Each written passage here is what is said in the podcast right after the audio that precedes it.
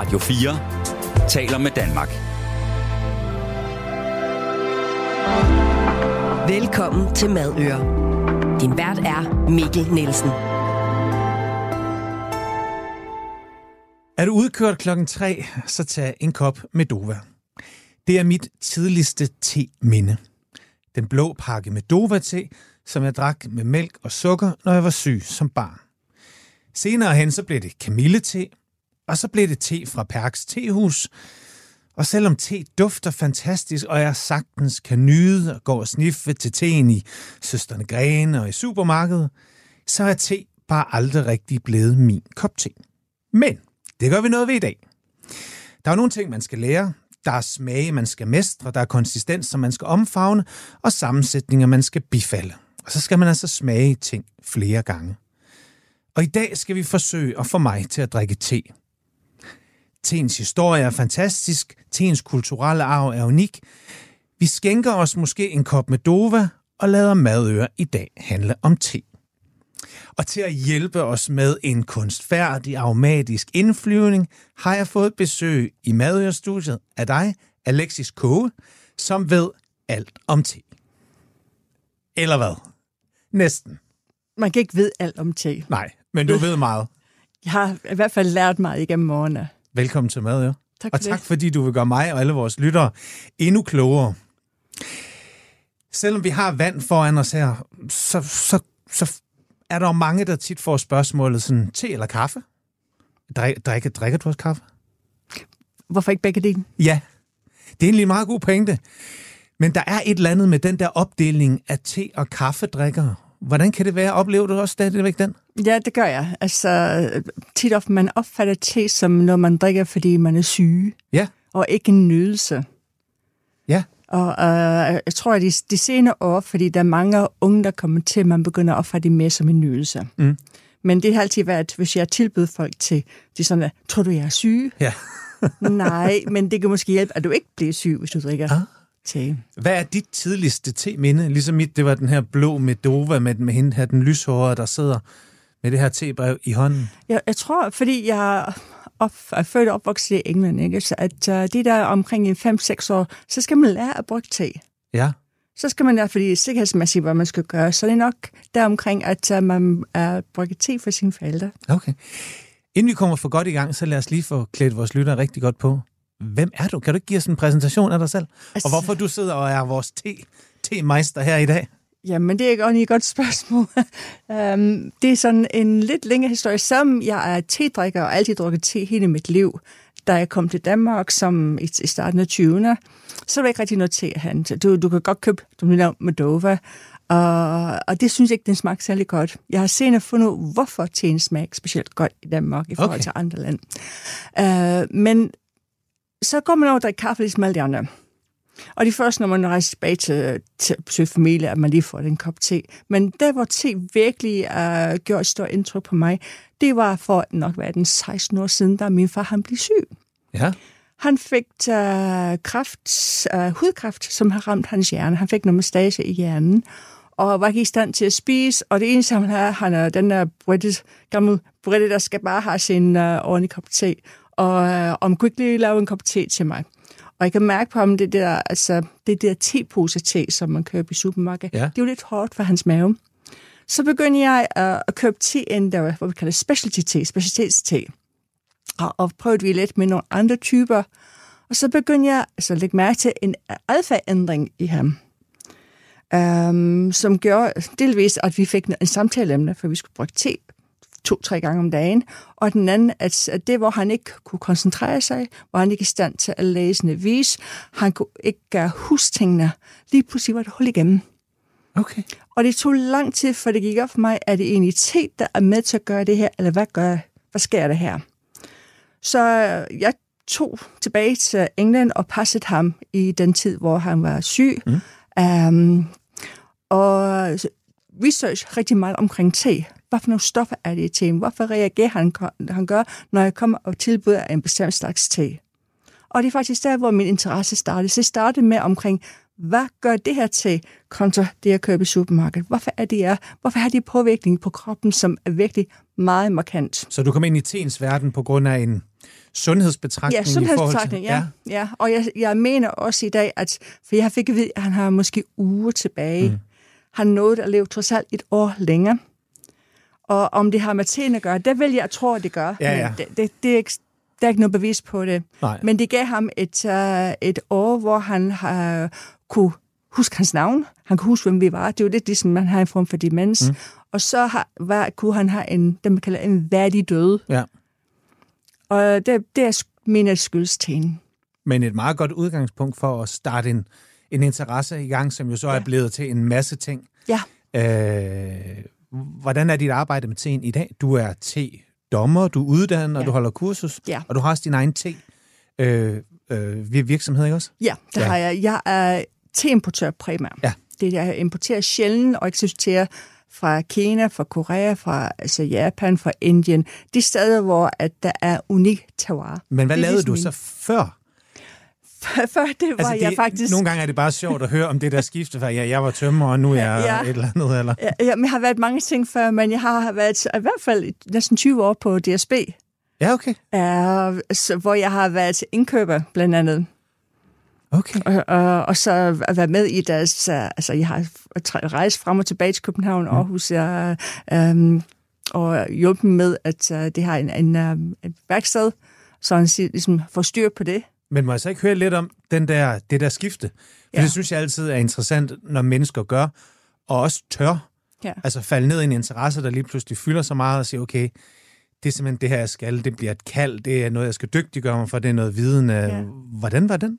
Jeg tror, når man har mistet en forælder, hmm? så er stand man op og tænke på, okay, hvad skal din uh, sidste år, hvordan skal de være? Har du, og har du opnået de ting, du gerne opnå? Om hvad er det, du vil? Og, og så besluttet mig, jeg skal bare åbne et lille tehus. Fedt. Det er jo det. Og det var på Old Boulevard i Aarhus, og der, selvom jeg har arbejdet fuldtid på det tidspunkt, uh, så hørte jeg min datter tage ligesom start forretning. Uh, og så skete det, hun blev gravid, og så um, blev hun født hun to måneder for tidligt, og så har vi ikke fået den afløse på. Så måtte jeg lige stoppe alt det, og så overtage firma. Eller overtage, altså uh, at køre firma, kan man sige. Ja. Um, så laver vi, har vi et tehus i, indtil 2013. Vi har åbnet i 2008, tehusens 2013. Fint besøgt. Det er jo ikke ret mange, det er jo ikke et stort lille sted, men det var simpelthen, simpelthen så travlt. Ja. Problemet er, at der er ikke de store penge i at servere te, fordi du har kvinder, primært kvinder, der sidder og drikker te, når du åbner, og det er det, når du går. Der er ikke ligesom kaffe, hvor det er ind og ud. Det er, mere, det er et sted, hvor man slapper af, man nyder, og man bliver i mange timer. Ja, det problem har jo lige været op at vende også på de danske caféer, der med, at studerende går ind, og så køber de en latte, ja. Og så har de studiegruppe i fire timer, ikke? Det er lige præcis det. Ja, okay. Og det var mødergruppe, jeg havde tænkt Ja. ja. sig. Så jeg valgte at sælge til huset, og så koncentrere mig om at, at sælge teen, så jeg har jeg købte webshop. Ja. Fordi det, det var lidt sjovt, for det var kvinder, der kom ind i caféen, de drak te og så videre, men de mænd, de købte teen. Så, Okay. og jeg tænkte på, jeg tror nok, jeg, min målgruppe, de skal være mænd, der der køber teen. Så jeg har brugt energi på at ligesom få webshopper på køre, og holdt nogle kurser og nogle foredrag og nogle events. Og så er der også te-dommer. Jamen, det blev en, fordi altså, når jeg importerer te, så har jeg også besøgt de der tehaver, hvor min te kommer fra. Te-haver. Ja, altså, det er ikke, det er ikke estates, eller det er ikke Nej, nej, plantager, nej. de er små haver, de er microlots. Så når jeg har besøgt de der små haver, der ligger som flere tusind meter på bjergene, så kommer jeg til at snakke med nogle meget, meget altså, altså dygtige folk. Folk, der virkelig har passion for te. Og så bliver jeg bedt om nogle gange at holde nogle taler og nogle uh, sådan, uh, hvor jeg kommer lige at vurdere. Uh, og så er det her udviklet sig. Så hver gang der er de der store temasser i Kina, eller hvor det nu er, uh, så bliver jeg som bedt om at komme og holde en lille tale, hvordan er tekultur i Europa, og kan du, vil ikke dømme vores konkurrencer? Og så synes jeg også lige, så, og hvis de spørger dig om det, så tænker jeg også, det er den helt rigtige, vi har inviteret i dag i Madøre, ikke? Ja. Ja. Nu, nu sagde du det selv, den her te-kultur. Vi skal jo have på en eller anden måde, vi skal jo have noget viden om det her te her, ja. Hvor det stammer fra, og, altså sådan, og jeg ved godt, vi skal langt tilbage. Men vil du ikke se, vil du ikke klæde os lidt på sådan, om teens historie, sådan historisk, sådan. Ja. hvor, hvor vi er henne, og også meget gerne sådan i forhold til til, hvor teen er på vej hen i Danmark? Så teen altså, stammer fra, primært fra Kina. Ja. Det kommer, stammer fra den sydlige del af Kina, så um, omkring uh, Yunnan, Myanmar, som dengang ikke var Kina, men var i denne område. Det er der, hvor de første 10 planter kommer fra. Og hvor langt er vi tilbage her? Så vi er nok en 6-7.000 år okay. tilbage, vil jeg skyde på. Og så det har været tit ofte um, øhm, minoritetsgrupper, der har dyrket det her til. De bor på bjergene, de flygter fra forskellige land, derfor de er så meget forskellige kulturer. Uh, I Kina har 58 forskellige minoritetsgrupper, og cirka to tredje af dem, de, er, de producerer te. Men for dem, te er en... Um, det er ikke en afgrød som sådan. Det er noget, man uh, altså respekterer. Så der er altid sådan små altid rundt omkring de te-træer. Og det er at bevare gamle, gamle tetræer. Det er ikke sådan, de laver en masse produktion. Uh, nu skal vi lave tehave, for vi skal sælge en masse te. De, de producerer for deres egen behov. Okay, det kan være, at vi faktisk lige stanser her, fordi altså, te er jo... Altså, ja, hvad er det? Er det blade? Er det grene? Er det, det, er det tørrede ting? Eller, eller hvad er definitionen egentlig?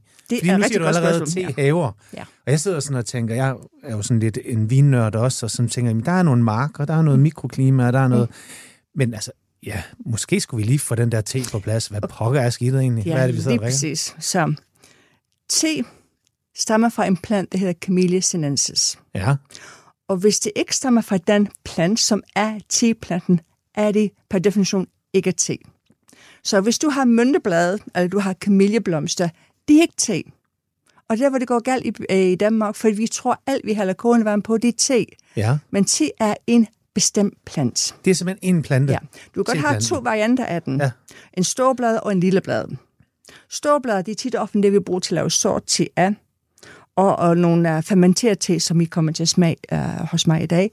Uh, eller de små blade, de er tit ofte lavet til grøn te, de fine grøn te, for eksempel japansk grøn te, kinesisk grøn te. Så Okay. så har du den her plante, der hedder Camellia sinensis. Når du plukker planten, så er det bladen selvfølgelig grønt. Ja. Så når du først har plukket bladen, så lad den hvile. Og så derefter kan du beslutte dig, hvad for en kategori te vil jeg lave. Så du siger, at det blad, jeg plukker på den her teplante her, Det er teplan, ja. der kan du træffe en beslutning og sige, hvilken slags te vil jeg lave ud fra det her blad ja. her? Så kan du se, jeg vil lave en grøn te. Jeg kan godt lave, tænke mig at lave en hvid te. Jeg vil også godt tænke mig at lave en gul te. Og det er fra samme plante, det her? En oolong te, Okay. en sort te eller en pur te. Forskel af bearbejdning. Okay, ja. Så hvis vi lige tager øhm, hvid te. Ja, Du plukker bare bladene, og lad den tørre naturligt, tit ofte i uh, solen i uh, Asien, og så er det grøn. Så har du hvid te. Det, skal, det er naturligt uh, tørret, derfor det er meget let og delikat. Mange synes ikke, det har særlig uh, stærk smag, men de to tørret ligesom urter. Mhm. Så kan du godt have en grøn te. Og for at beholde den grøn, når du plukker din blad, for at beholde den grøn, så skal du give den en form for blanchering. Det skal, de skal have en varme behandling på den samme måde, vi er, er halvkogende varme på bønner, end vi Ja, ja, ja, ja, fryser dem. Ikke? Det holder en Ja, flot det- grøn farve. ja. Det, den gør, den stanser de enzymer, der foretager oxidering. Ja, for det her klorofyld er det, vi gerne vil have den grønne farve. Ja, så det her lige ting. præcis. Ja. Hvis man nu ikke giver den en blanchering, så bliver det, går ikke så lang tid, så begynder enzymer at reagere med ilten i luften. Så begynder de at blive lidt mere rødlige og lidt mere, og så over i sort te. Og det kan vi manipulere. Vi kan godt se, okay, vi vil gerne have en lille smule oxideret. Så får du en kategori, der hedder oolong te. Ja. Vi vil gerne have den fuld oxideret. Så har du det, vi kalder sort te. Så det er iltningsproces af mad til at give teen farve og smag. Og så holdbarhed. Fordi en grøn te, den har meget kort holdbarhed. En sort te har faktisk en ret lang holdbarhed. Så når du eksporterer uh, for eksempel fra Kina til Europa, Ja. så det var ikke længe en grøn te, da de først ankom, det blev ødelagt på grund af, at så det udsat for ilten og ting og sager. Og det var en form for, det blev ankom som en form for sort te, bare ikke specielt godt. Hmm. Så fandt man ud af, at hvis man oxiderer den, så kan man holde på uh, uh, altså holdbarhed, og så giver den en meget bedre smag. Ja. Wow, okay, dem, der kan man bare allerede se, der har lært det. Men, men hvad er det så, når jeg går i Søsterne Grene, og der er en Baileys te? Okay. Altså, Så- hvad er det så? N- n- hvis du Eller har... en lakridste, eller... Ja, men så er det fordi tilsat. Ja.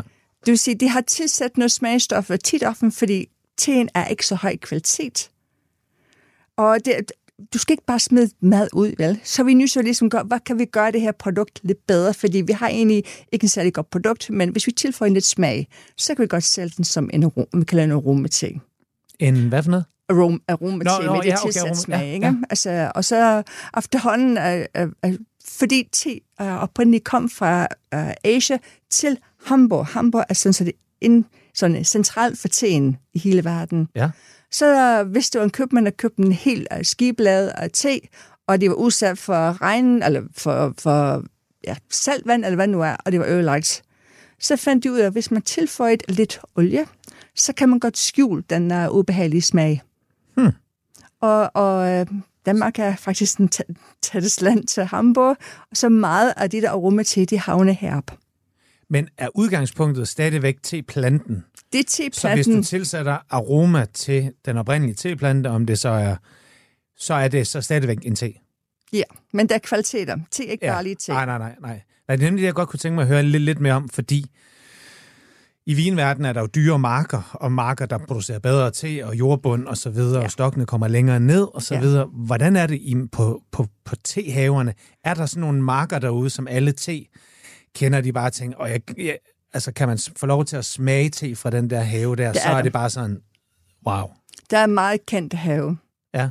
Uh, og det er, man kan se kvalitetsmæssigt, de te, der kommer fra det, man kalder en, en naturlig permakultur, mm. det giver de bedste smag frem for noget, der er masseproduceret i en monokultur, som vi oplevet i et land som Indien eller Afrika, hvor det er simpelthen rækker op og ned af te. Her er der andre planter, der dyrkes sammen med teen. Ah, på den måde, selvfølgelig. Okay. Så har en uh, for eksempel uh, Yunnan, som er mere eller mindre en regnskov af te-træer. Så har du andre planter, der går ind, og så bliver den meget, altså biodiversitet er helt anderledes.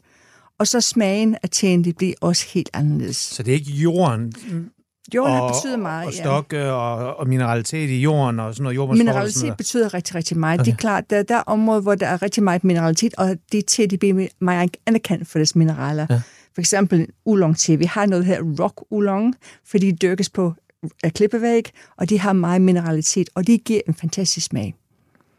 Så der er forskellige områder. Darjeeling eksempel ligger, Darjeeling er meget eftertragtet, fordi de første universiteter, der kom fra Darjeeling, de har de der naturlige uh, um, uh, musketalnoter, som er kendetegn for Taiwan. Det de jord, altså geografi, jord, den måde de bearbejder planten på, Ja. der gør, at de er så unikke. Hvor kan man ikke dyrke te i Danmark? Det kan man godt. Ja. Der har jeg, der har jeg forsøgt de sidste par år. Det er problemet, vi har i Danmark, og det er det problem, vi har over hele verden. Ikke Ja. kun et problem her. Vi har, på grund af klimaændringen nu, vi har, uh, hvad vi kalder, altså meget uh, vekselvirkning mellem vores uh, varme og kulde. Hvis vi har haft et forår nu, hvor vi har haft minus 13 grader, og så i løbet af dagen kan man godt gå op til plus 13 grader. Det vil sige, Okay. okay. de 26 grader i løbet af 4-5 timer for teplanten, det har de svært ved at klare.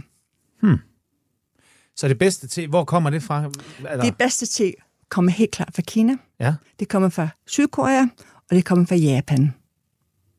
Når det er sagt, jeg har smagt nogle fantastiske teer fra uh, Storbritannien. Okay. Jeg har fant- smagt fantastisk te fra Tyskland, og så fra Holland. Så vi, vi er uh, i Europa er vi i gang med at producere te, og det vi producerer i Europa, det er fantastisk kvalitet.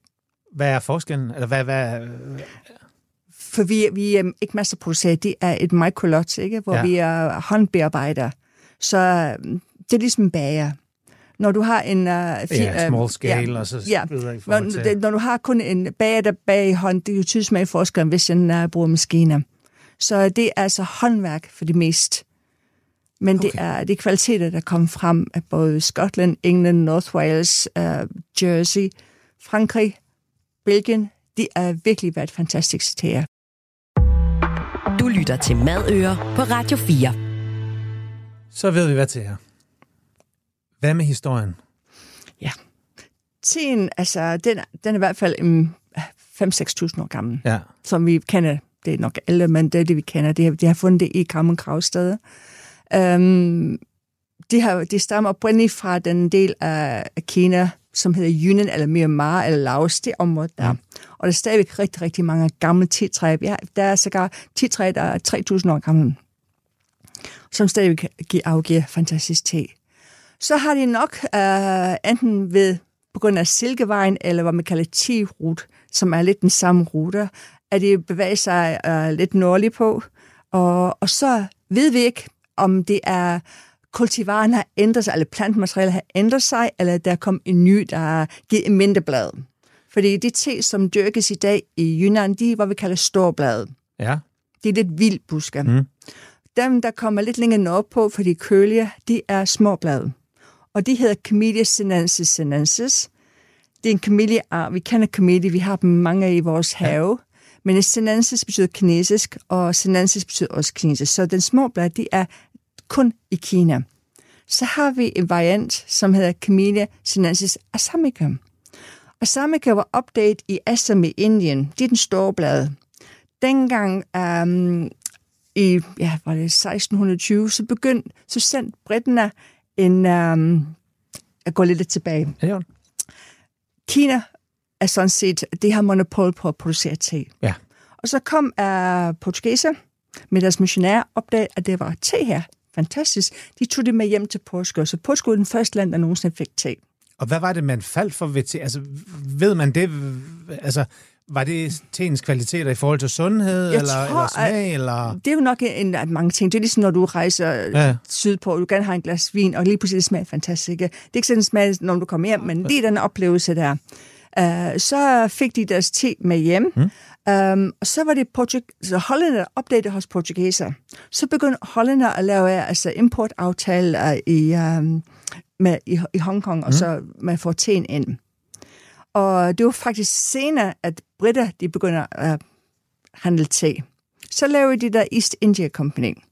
Og de prøvede for te fra Kina, og Kina, de var, um, de var ikke altid de samarbejdsvillige, og de puttede nogle gange nogle giftstoffer i, og tænker sig, og så britter faktisk besluttede sig, at uh, uh, vi skal selv se, om vi kan lave det. Så de sendte en uh, spion ind i uh, en område her, Fujian. Han var skotter, han hedder Robert Fortune, han hedder Robert Fortune. Og han, hans mission var til at tage hen og finde teplanter, og så tage dem tilbage, til, og så få dem plantet i Indien.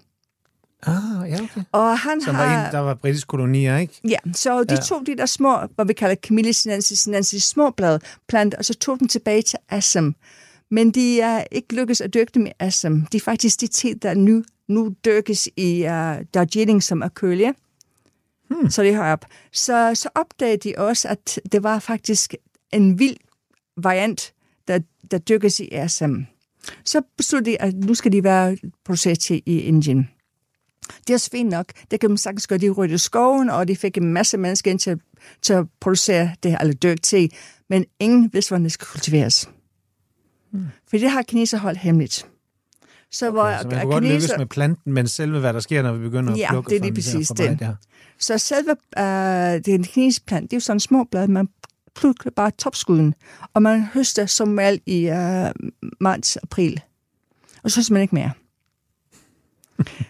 Når du skal lave en kommersiel produkt, og du Ja. ja. kan se, at uha, du får store blade hele året rundt, så høster man hele året Ja. ja. rundt. Det er klart, høsteløbende. Ja. For du skal have, du skal have Ja, volumen. skal mængde, ja. Så kvaliteten af te, det gik fra at være mm, meget, meget høj kvalitet fra Kina til virkelig en ringe kvalitet fra Indien. Og så skulle de igennem årene, al- altså når du er tv- tvangsfået britter til at drikke dit her te i så mange år, så bliver det en del af deres kultur. Så er ligesom, det, det, det er acceptabelt, ikke? Så det, man gør i Indien, man plukker de her store blade. Hvis man sammenligner med Kina, du har, når du plukker plukblad, så har man en lille kur på hoften, mm. og så en plukker kan måske plukke omkring 600 gram om dagen, og det bliver så 50 gram færdig blad. Så har man en uh, plukker i Indien, hun kan plukke måske uh, 80 kilo om dagen, og når de bliver færdige og behandlet osv., så bliver de til måske ja, 20 kilo færdig te. Det er ingen hemmelighed, at vi også skal smage nogle te her senere i programmet. Og altså allerede nu er jeg jo ved at dø i spænding over, fordi selvfølgelig må der være forskel Absolut. på den te og den der te. Ja, Så spørgsmålet er, om jeg egentlig nogensinde har smagt altså god, god te. Jeg vil sige, at jeg holder jævnlige 10 smagskurser. Det Ja. ja. hedder Lær at smage te. Og jeg får folk, jamen jeg har drukket te hele mit liv, og det er ikke, de kommer altid fra at sige, det er ikke te, kunne smage sådan. Nej. Men det er jo derfor, vi er sat Ja. Så, til at opdrage og lære og blive klogere, ikke? så det, jeg har gjort de sidste 16 år, det min opgave har været at lære folk omkring te. Ja. Så øhm, jeg har udviklet en del uddannelser og kurser. Jeg er øhm, direktør for uddannelse for European Specialty Association, mm. så i sammen har vi et, øh, nogle kurser, som foregår over hele verden, så folk de forstår, hvad det er, der sker. Det er kemiske processer, og hvorfor du får en hvid te, der kan smage fantastisk, en hvid te, der smager ød. Ja. Ja. Teens historie er jo både spændende og blodig, og krig er blevet, øh, og så videre, og så videre. Hvornår kommer teen til Danmark, og hvad er den danske tekultur? Jeg vil skyde på, jeg er sikker på, at at det kom faktisk ret tidligt. Um, jeg tror, det kom nærmest under Genghis Khan. Han har te med, og han var helt når- faktisk i Nordtyskland. Så man ikke der på den måde, det har kommet frem. Men fordi vi har haft en, en stor uh, søfarvende land, ikke? der Ja. vi har mange søfolk, de kom til Kina, og så tog de te og potter og alt det der med hjem, uden at vide, hvad det var. Så jeg tror, vi har haft te i Danmark langt før de fleste andre land. Hmm. Og det har været havnet hos uh, apoteker. Ja. Og, og så alt de der udstyr, de har haft med, de, har, de er meget af det, de er faktisk i, i, altså i Aarhus, Gamle By i Aarhus, der er potter og udstyr, som egentlig ikke findes andre steder end. Men hvad med den her transformation? Fordi man kan sige, at dit eget udgangspunkt var jo din fars sygdom, Ja. hvor du ligesom ser teen som noget sygdomsbekæmpende, eller være livsforlængende, eller i hvert fald noget, der kan påvirke øh, hjerne og krop osv. Men er det også der, at teen begynder i Danmark? Altså du siger selv, det er på apoteker. Det kan jeg egentlig også godt huske.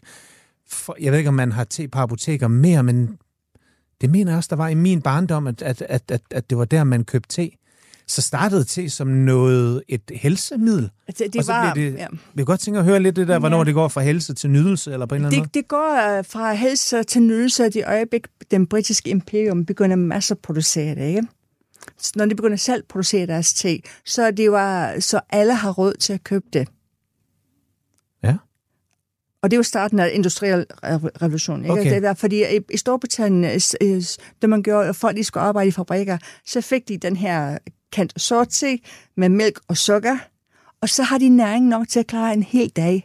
Så er du givet til, arbejde, til arbejdende folk.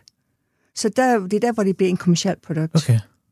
Og der, hvor det ikke det går fra at være helseprodukt til at ligesom være almen. Altså, Så vi skal øh, på en eller anden måde hoppe lidt ind i tidsmaskinen og tage tilbage til sådan København i, i sådan starten af 1900-tallet. Ja. Øh, lige efter den industrielle revolution, og, og alt begynder sådan at blomstre op. ja, jeg, tror, Og hvad har vi? Har vi, der har vi så te-salonger i København? Ja, vi har eller? mange af det. Altså, København, der var tehandler på alle hjørner. Og det var et tidspunkt i København, hvor at um, håndværker, altså de var i overflod. De, var ikke arbejde til dem. Så åbnede de tehuser. Ja. Og så tebutikker. Så i København, altså, jeg kan ikke engang huske, hvor man, når jeg kigger på historien, så er der i hvert fald været flere hundrede, vi har haft.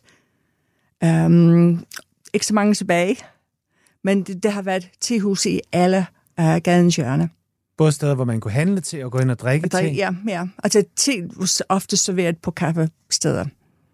Men, og nu siger du selv kaffen. Ja. Fordi hvor er, hvor er kaffen hen her, og hvordan, altså, hvor- hvordan følges det ad? Ja, det, det er egentlig et godt spørgsmål. Der ved, jeg- altså, jeg tror faktisk, under de forskellige krige, vi har haft, mm. hvor te var lidt... Det, er- det er jo svært at få noget fra Asien. Det er nemmere at få noget fra Afrika, det Ja. nu er. Så, så jeg tror nok, at det, te var, at kaffen var med tilgængelig. Og så er det noget, man kan have på en, uh, altså, en kan hele dagen Ja. lang. Ja. hvor teen skal laves frisk. Ikke? Og så er Okay. det, hvis man er bønder i marken, ikke? og man skal hjem og først bruge teen, det gad man ikke. Det er, når man tager den her kaffe. Var teen på det tidlige tidspunkt tiltænkt på andre tidspunkter? Nu sidder jeg bare sådan og tænker på en af mine yndlings tv-serier, Matador, Ja. hvor der jo både bliver drukket te, og når man har set den så mange gange, som jeg har, plus 30, slår den derude, øh, så, øhm, så lægger man jo mærke til alle de her små detaljer. Hvornår bliver der drukket te, og hvornår bliver der drukket kaffe? Og så er der selvfølgelig hele krigsperioden, hvor, der, hvor de ikke kan få mm. kaffen, men hvor man ligesom ser det iværksættende Danmark gå i gang med at så ikke at lave te, men altså så er det tørret æbleblade, så er det ja. Et eller andet, som vi kan ja. Drikke, fordi det der med at nyde noget sammen i koppen, jamen det betød en hel del. Ja. Øhm, ja. Og det er også der, hvor de skal overleve. Derfor er de begyndt at blande andre ting i teen, ikke? Ja, For, for, spad, skal de spade, præcis. det, det, er, det er jo ret dyrt. Te, te har altid været dyrt, kan Ja. man se. Så det har svært, svært tilgængeligt, men øhm, så burde man at bruge altså, urter. Altså Danmark er et land, hvor vi har mange urter, så Men vi det er har så altid drukket urter. Ja. Men det er så ikke ikke, te, det er så nej. ikke te. Så nej, det kaldes enten botanicals eller tisanes, Okay. øh, men ikke te. Mm. Og det er det, vi har svært ved at skille ad. Du lytter til Madøer på Radio 4. Hvordan, er, hvordan- hvordan har teen det i dag? Altså, man siger, du rejser rundt i hele verden, og, og der kommer jo nye te-begreber ind. Sådan, der er jo iste, og så er der nogle te, der sådan hitter matcha-te. Og, øh, men hvis man sådan skal, skal sådan tage temperaturen på sådan teen worldwide, altså, hvordan har te-kulturen det? Te har det fantastisk. Ja. Altså, te er, altså, vokser og vokser og vokser, og det bliver mere, dyrket på mere og mere land. Så det har aldrig haft det så godt, som det har i dag. Um, Det- Hvordan kan det være? Dels fordi det smager sindssygt godt. Ja, ja det skal finder vi så ud af. Ja. Og en anden, det er, fordi de har nogle helbredsmæssige egenskaber. Ja. Så, vi, altså, og der er land, som ikke drikker alkohol. Der er mange lande, der ikke drikker alkohol. De, de drikker te. De drikker også kaffe, men de drikker også meget te. Hvad med alle de andre te-produkter, der findes? Har de været med til at, at gøre teen mere populær? Altså sådan matcha-te og iste, altså, eller er det, tænker man slet ikke over det i, i sådan en te-verden? Jamen, på verdensplan er det bare en lille bitte uh, brygdel.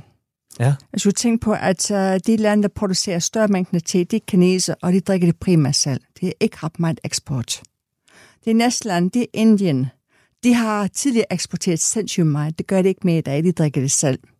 Så det te, vi får hjem i, uh, i, i Europa, de er som regel fra Afrika eller fra Argentina. Altså, vi får slet ikke det gode te. Vi får ikke det gode til.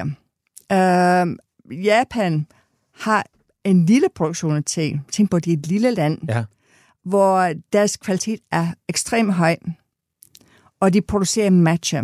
Tidligere var det for de her uh, ceremonier, men det man har fundet ud af, at- at de næringsstoffer i teen er så godt, og hvis man uh, drikker matcha, som er faktisk et blad, der er melet til meget, meget fine pulver, indtager du hele bladet, så får du det, man kalder de fedtopløsige uh, vitaminer med. Hmm. Så du får en større næringsværdi uh, med at drikke matcha. Okay. Og derfor er det blevet meget eftertragtet. Også det, at den har en flot, flot... Når de er dyrket, så er den skygget i en, en 21 dage op til, for at beholde den der meget skarp grøn farve. Og det vil sige, den gør, at når du har en uh, rigtig lækker matcha, så er det flot at tage billeder. Derfor er det Instagram elsker matcha.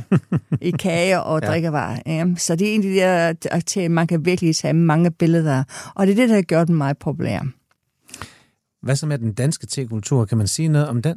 Um, Altså fra du kom til, til Danmark som, var det 20, 20 Der år? er rigtig mange, der drikker te, men de drikker rigtig lav kvalitets te. Ja. Uh, de først i de senere år, da jeg startede min uh, import, at, um, at jeg kan mærke, at unge mænd er interesseret i te. Unge mænd? Unge mænd. Det er, min målgruppe er unge mænd, eller 14 til 36. Det er dem, der tager størst af de te, jeg får hjem. Og, og det er fordi, at uh, vi, har, vi har en generation af, af smagsnørder. Ja. Og de virkelig går op i smagning af te. Det kan jeg tydeligt mærke. Og de interesserer sig, og mange af de unge i dag, de har ikke, de, de har ikke lyst til at drikke alkohol. Det, det er Og det- rigtigt. Det er jo en tendens, ja. som vi ser på verdensplan også. Ja, lige præcis. Men- og de ja. har sådan lidt, de er jo gerne nørdige, og det er jo ikke sådan, de deler med andre folk. Det er sådan, de, noget, de gør for sig selv. Ja, altså jeg vil også sige, at de er gået under min radar. Jeg plejer egentlig at have sådan noget ret godt, ret godt syn på, hvad der rører sig. Og man kan sige, kaffemoden, Ja. den er jo meget, meget synlig, ikke? Ja. Og folk køber espresso-maskiner, og, Ja. og deres egen grinder, og de begynder at riste selv og sådan noget. Det, det tror jeg, mange har sådan en eller anden bevidst om. Men, mm. men lever den der te-kultur sådan lidt? Den ligger lidt under det altså, den. overfladen, ikke? Og der, der er rigtig mange små grupper af te-nørder rundt omkring. Uh, særligt i København. Jeg, jeg, jeg ville virkelig have troet, at målgruppen var en helt anden netop. Øhm, netop, at det var måske mest kvinder. Øh, sådan afslappende, og sådan netop, altså, som vi talte om i begyndelsen der, med de her møde, altså det her mødergruppesegment, ikke? Ja. som vælger kraften fra, fordi teen kan noget andet. Øhm, Det er også sjovt det her med, at jeg tror, hvis man spørger folk, hvad forbinder du med te, så er det altid noget med lidt mere hygge.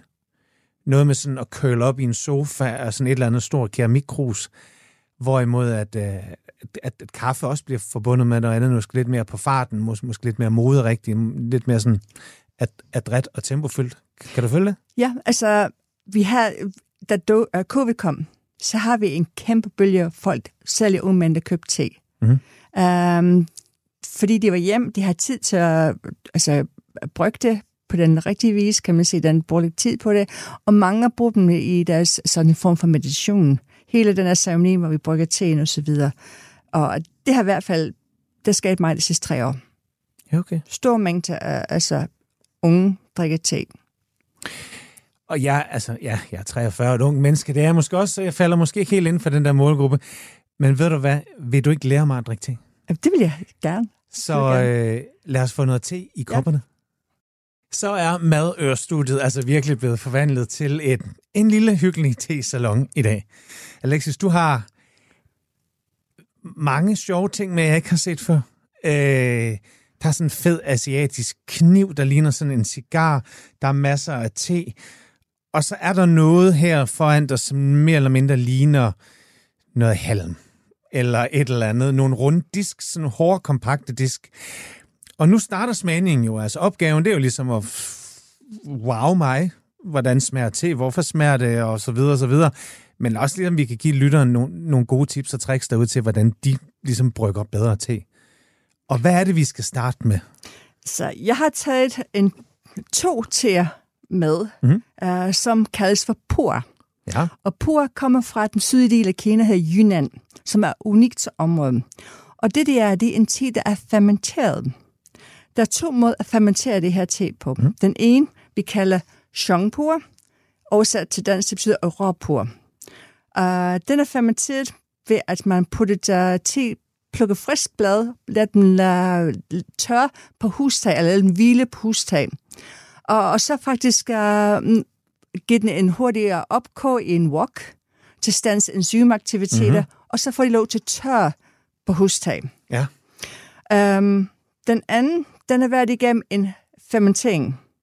Det, man har gjort, man har gjort det samme proces, man har bare taget de løsblad, og så bare lagt det i et, et, et, uh, var, et lagersted, og man drysser med en lille smule vand, og så sætter den på sætningen på. Og når temperatur har nået omkring de der 37 grader kropstemperatur, så vender man det. For det, man gør, man fermenterer. Hvis det kommer for højt op, mm. så bliver det til kompost. Det er ikke det, vi vil. Og hvorfor er det, vi skal smage dem? Vi, det, fordi, at så, når de har fermenteret, Ja.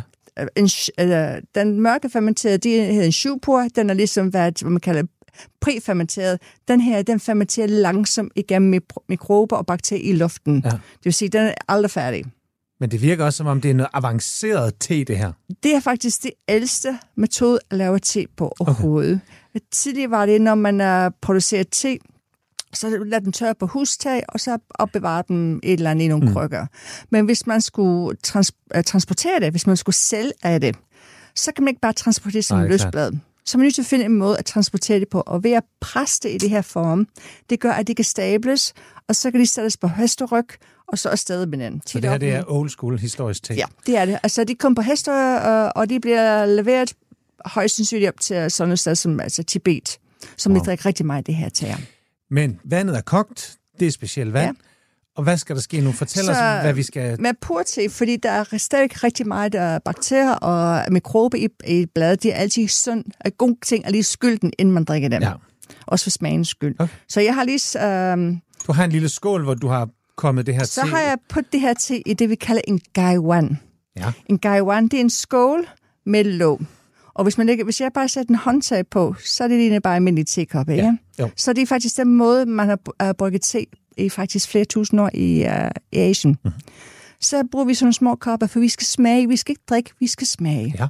Så der er, du kan, når du drikker te i en kop, så er det bare at drikke te. Når du har det i de her små kopper, så er de at nyde te. Jamen. Og når vi har en særlig, uh, når vi laver smagning, så, så er det faktisk vurdering te. Og så Ja. brygger vi på en helt anden måde. Vi havde jo selv taget nogle kopper med hernede i studiet. Store, rustikke kopper, hvor der virkelig kan være baljer. Så skal vi bruge dem, hvor Nej. du bare griner sig? Ja, nej, ikke, ikke til smagning, fordi altså, når du øh, øh, har te i en sådan stor kop, så alle de aromatiske stoffer, de forsvinder ret Ja, hurtigt. ja. Det vil sige, når du kommer cirka halvvejs igennem, så smager den ikke rigtig noget mere. Okay. Så det er Jamen, vigtigt. øh, ja. jeg er klar. Så, Så, vil du jeg åbner gerne du lige din... din... præsentere dig. Hvis du lige åbner lån og lige tager en duft til den. Og så fortæl mig lige, hvad du synes om duften. Der duftes.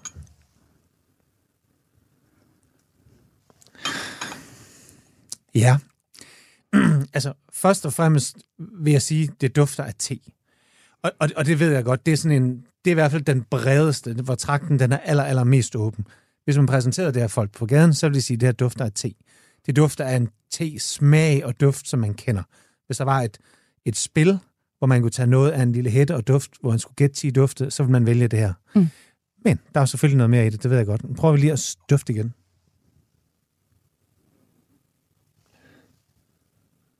Jeg synes, der er nogle, jeg synes, den er meget aromatisk. Jeg synes, den er meget ekspressiv. Altså, den, der er enormt meget duftig. Øhm, så er der noget, noget, nogle grønne, urtede ting. Det, det, det er der nok. Øhm,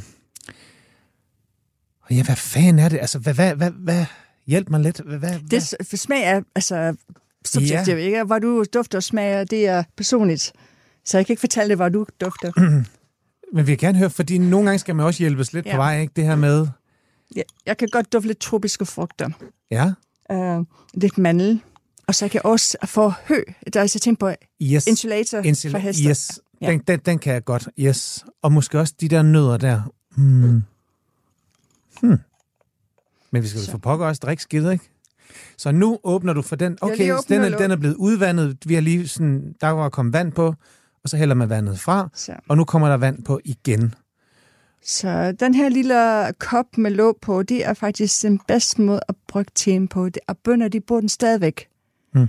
Um, fordi fasongen gør, at det er bibeholde alle rummestoffer.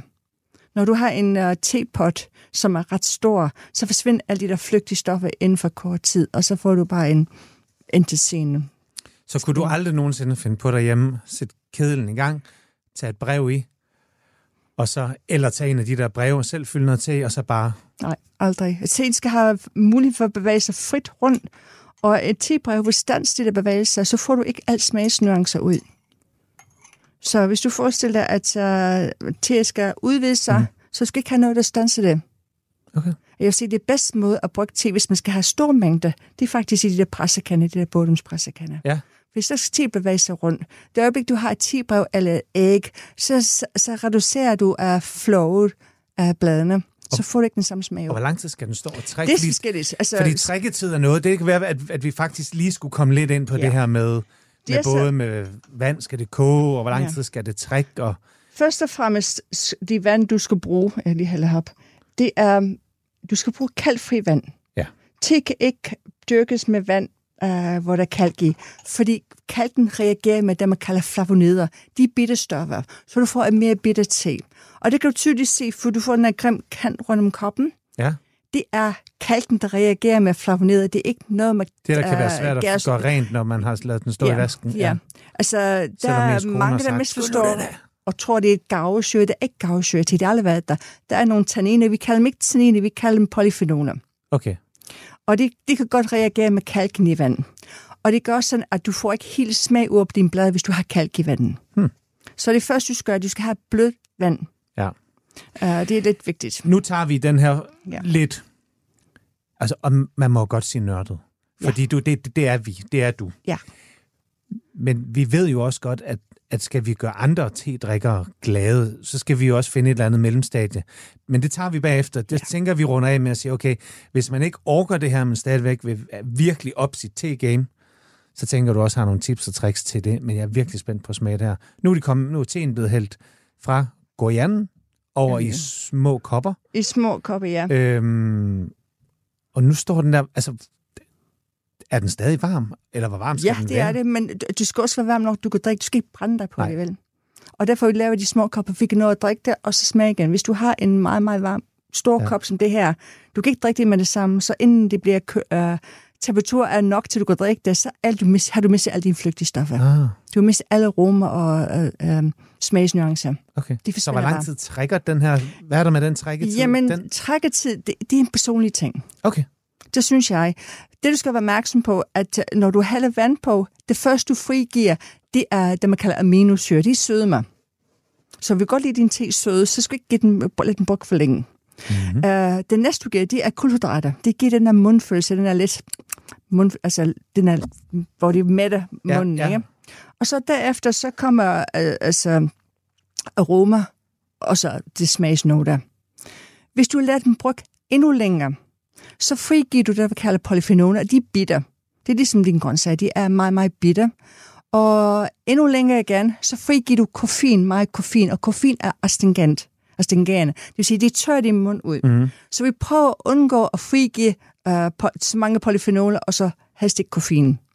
Så lidt afhængig af, hvad man godt kan tage sin te, kan man arbejde med mængde og trækketiden for ligesom at ramme det, man godt selv kan lide. Ikke? Jeg kalder det tre teer. Du har din te, din mængde te. Ja. så har du en tid, og så har du en temperatur. Du kan godt reducere noget bedre ved at reducere temperatur. Det kan du godt for grøn te. Um, du kan, I virkeligheden kunne du godt bruge altid med koldt vand. Du kan få en lækker smag. Det kan altid, jeg vil anbefale, fordi du ved ikke, hvor din te er blevet behandlet, om den har fået en varm behandling. Ah, okay. Men i teori kan man godt bruge altid med, var, øh, hvad det, med koldt vand. Når jeg dømmer te, uanset om det er grøn te, så er det altid med kogende vand. Ja. For det man gør, man finder fejl i teen, ikke? Klar. Så der er ikke noget, der siger, at du skal gøre det, det er bare, vi anbefaler. Spændende. Ja. Nå, er den ved at være vi- klar? Ja. Jeg ved ikke, om jeg kan sende Jeg rækker lige over. Ja. Og Og så, ja. hvad gør man så? Så skal man slutte på det. Man skal, ligesom Ja. ja. med vin, man skal have Ja, ja, simpelthen skal ilten med, og uh, bevæge det rundt i ganen, og så når man synker, så skal man helst ånde ud, så du får alle uh, aromastoffer op i det, man kalder olfactory, op Ja. ja. her. Jamen, øh, Med lyd på. det gør vi. Der slubres.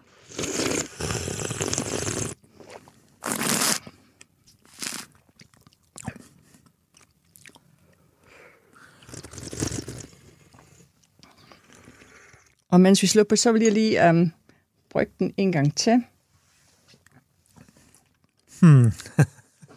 Det er jo altid sjovt at blive klogere. Og øh, altså, det er jo... Hvordan kan man beskrive det her? Det er, det er fyldigt og aromatisk, uden at være ret kraftigt. Mm. Altså, det er enormt forfinet, og enormt. Ja. men stadigvæk fylder det sådan set min mundhul. Og der er mange Øhm. teer, der er meget sådan, altså let og floral.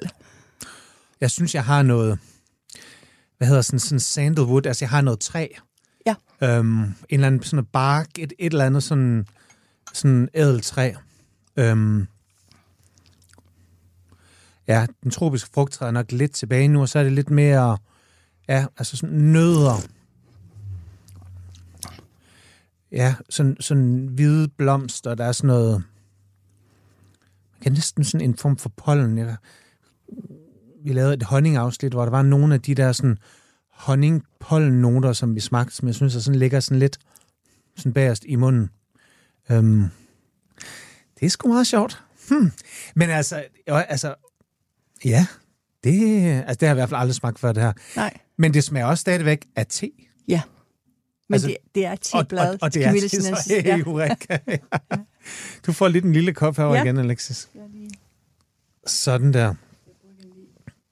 Jeg bruge den lige en ekstra gang, så du kan smage den. Nu er der blevet hældt vand på igen, altså en form for anden brygning, eller næsten, nu har der været vand på tre gange, og nu smager vi den igen. Jeg tænker, at nu bliver den mere og mere udvandet, eller hvad? Eller kan, kan så god te simpelthen holde, holde flavoren, eller holde smagen? Med en te som pur te, vi først begynder at få frigivet smagen. Det vil sige, en te som det her kan vi godt faktisk bruge i 20 gange. Og det vil være kraftigere, det flere gange vi bruger den, fordi de der små, små knopper, de skal først lige ufolde sig.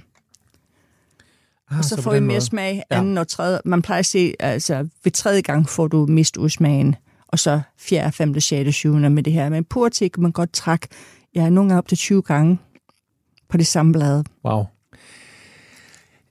Det må jeg godt nok sige, det var, det var virkelig en sjov oplevelse. Men du har endnu en fermenteret te med. Ja. Lad os få Ja. sat den over. Prøv lige at koppen. Ja. Ja, der er mere duft på den nu. Ja, Ja. det er meget mere aroma på Ja. den, ja. Det er meget mere honning. Ja. Nå, vi brygger en te mere. Ja. Og det er det, vi kalder en shupur. En shupur. Ja. Igen, jeg skal lige have skylden, fordi vi... Øhm, Mm. den har været... De er fra 2013 begge to. Selvfølgelig er der også overgang ligesom på vin. Det Ja. er, Så det er vintage te. Det er vintage TV for Ja. ja. Og hvad var 2013? En god årgang? Øh, Ja, det var det faktisk. Generelt var det 2013 en øh, fin overgang for mange teer. Ikke alle teer, det er spørgsmål, hvor man er henne i verden, ja. men i hvert fald for kinesisk te var det rigtig fint. Hvad, hvad er den bedste te, du har? Altså, ligesom inden for vinverden, der er jo mm. de her store Bourgogne og Romani Conti til mange hundredtusind kroner. Ja. Altså, er der sådan en, en drømmete, sådan en, som man måske får lov til at smage i sit liv, hvor et gram koster 100.000? Altså, Altså, purte er nok det dyreste te på markedet. Det kan sælges for sindssygt mange penge, og det er tit offentligt solgt på altså, auktioner i Beijing. altså sådan for hvor meget? Altså, altså sådan en pur kan ikke måske sælge for en 40-50.000. No. Um, så min foretrukken te, det hedder en Jinjumei.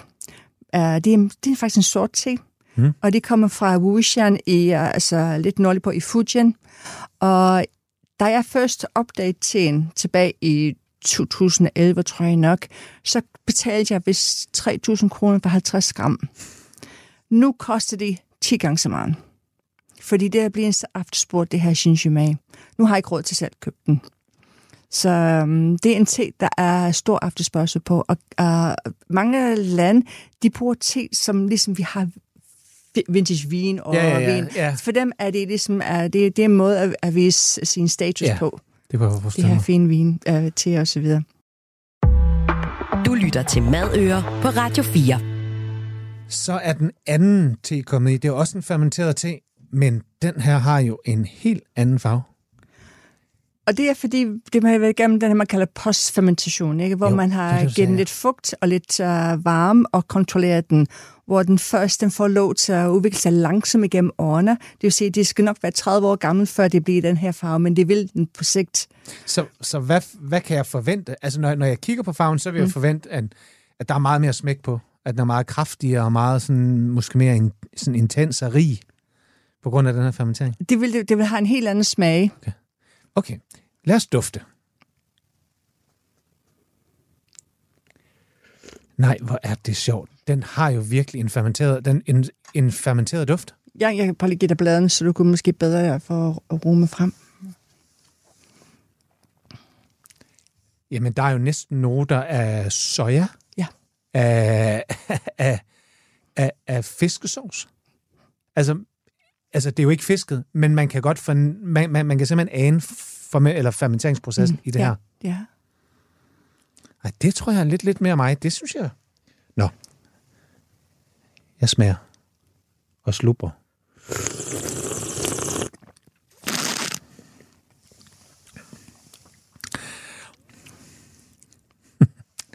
ja, altså, fermenteringen fornægter sig jo heller ikke i smagen. Øhm, jeg synes, der er lidt mere smæk på duften. Den er lidt mere sart i munden. Mm. Men, øhm,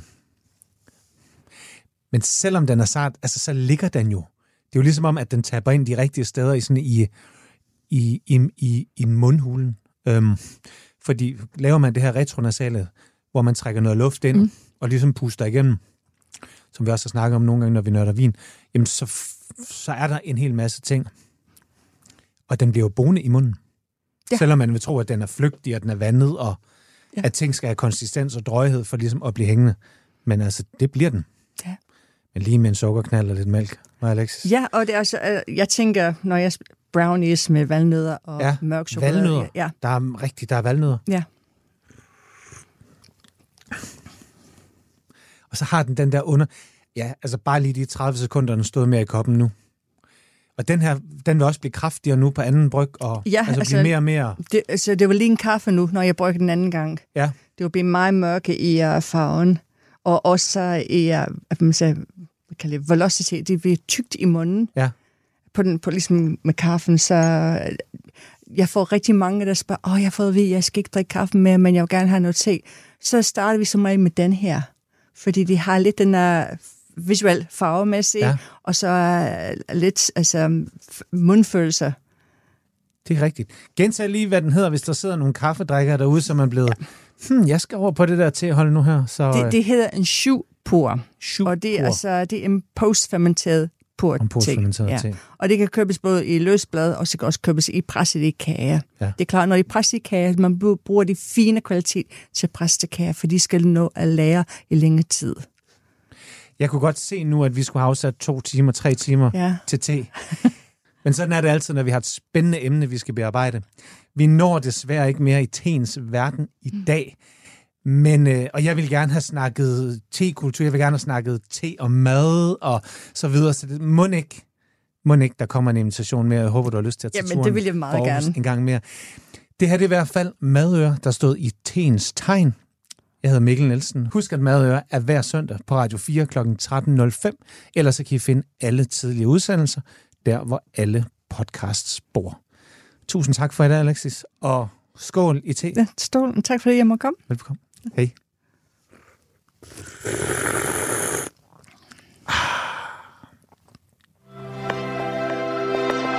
Radio 4 taler med Danmark. Du har lyttet til en podcast fra Radio 4. Find flere episoder i vores app, eller der, hvor du lytter til podcast. Radio 4 taler med Danmark.